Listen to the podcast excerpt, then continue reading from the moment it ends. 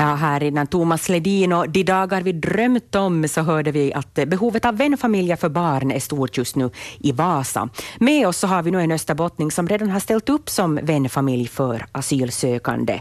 Sara Bondegård från Kristinestad, välkommen med. Tack. Sara, vad var det som fick dig att ta steget och ställa upp som vänfamilj? Eh, det var nog när den här stora flyktingvågen kom till Finland, Österbotten, hemknutarna, så berördes jag nog på något vis i djupet av mitt hjärta. Och det var nog det som fick mig att vilja ställa upp för någon annan människa. Bara finnas där och hjälpa till med det jag kan.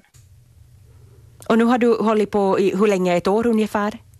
Cirka ett år. Mm. Det blir ett år till, i oktober. No, hur tycker du att det har varit nu när du har den här erfarenheten och, och vet vad det handlar om så att säga? Det är nog en av de bästa sakerna jag har gjort i mitt liv. Berätta mera, hur, varför är det det?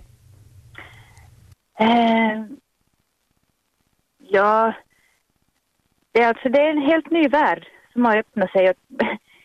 Jag brukar säga att en del av världen har kommit in i mitt vardagsrum och in i mitt hjärta. Att man, man lär sig mycket saker, man känner att man får finnas till för en annan människa som behöver ett extra stöd. Ja, det, det är någonting som känns bra helt enkelt. Mm.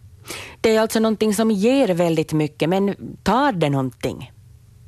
Visst tar det, det tar både tid och energi vissa gånger. Men eh, det ger, det ger lika mycket tid och energi på något vis. Mm. Men ifall om vi går in lite på det här praktiska, hur, hur, kan det se ut då ifall om man går en vänfamiljskurs och man är intresserad av det här? Vad är det som händer efter, efter det? Eh, man träffar de som man ska vara vänfamilj åt. Och sen är det egentligen upp till er själv vad man gör det till.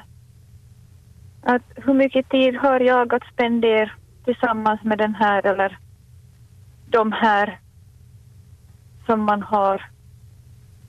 Det är ganska långt vad man lagar det till. Mm. Men man kan göra lite vad som helst. Man kan eh, kanske bjuda med till, till egna familjens sysslor eller? Ja.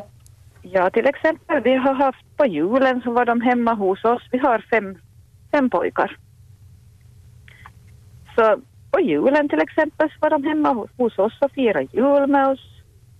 Vi har varit på vardagsutflykter, bara att köpa en glass och suttit och pratat och gymmet, simhallen. Ibland träffas vi bara, vi har fotostudio här i Kristinestad, så ibland kommer de bara upp och så sitter vi och diskuterar och pratar en stund. Och, men man behöver inte laga det så invecklat heller, utan man bara är tillsammans. Mm. Nu för den asylsökande så kan en vän, familj eller kontaktperson säkert vara nyckeln också till en lyckad integration i vårt sam samhälle. Hur viktigt är det att vi satsar på, på den här integrationen tycker du? Jag tycker det är enormt viktigt. Och det här att, att som vänfamilj så ser man ju att man är som en liten länk in i samhället. Att man sitter och diskuterar med dem, man lär, de lär sig språket, vi sitter ofta och diskuterar kulturskillnader eller likheter. Jag frågar av dem att hur är det där hemma med, med det här och så frågar de av mig hur är det här i Finland. Så att man, man lär, lär ju dem om hur vårt land fungerar, kulturvanor, tankar. Mm. Så att jag tror ju att det är jätteviktigt och integration, det är enormt viktigt. Har ni fått dela några jobbiga stunder då? Jo, nog har vi det. Det har vi nog. Men att det är, det är sånt som man får. Det är sådär som livet är. Och sånt som också förekommer i en familj och säkert då också i en ja. vänfamilj. Precis. Då finns ja. det någonting som du önskar att skulle fungera bättre eller annorlunda då vi tar emot asylsökande och flyktingar i, i Österbotten? Har du några sådana egna önskemål eller någonting du har funderat på? Eh, oj, jag har ju funderat massor på det där. Jag har massor, men nu när du frågar så kommer jag inte på någonting. Mm. Men tycker du att det, det mesta fungerar bra eller finns det mycket som borde åtgärdas? Nej, nej nog, det mesta fungerar nog bra. Men att det är klart att vissa saker så kunde gå smidigare men, men i det stora hela så tycker jag nog att det fungerar bra.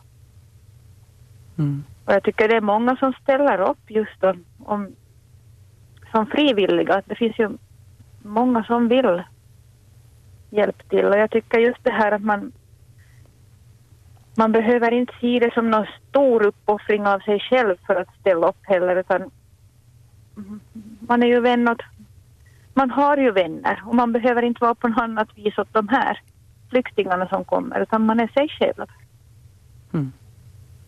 Tack för det, Sara Bondegård från Kristinestad som har ställt upp som vänfamilj. Tack för att du var med i den österbottniska morgonen.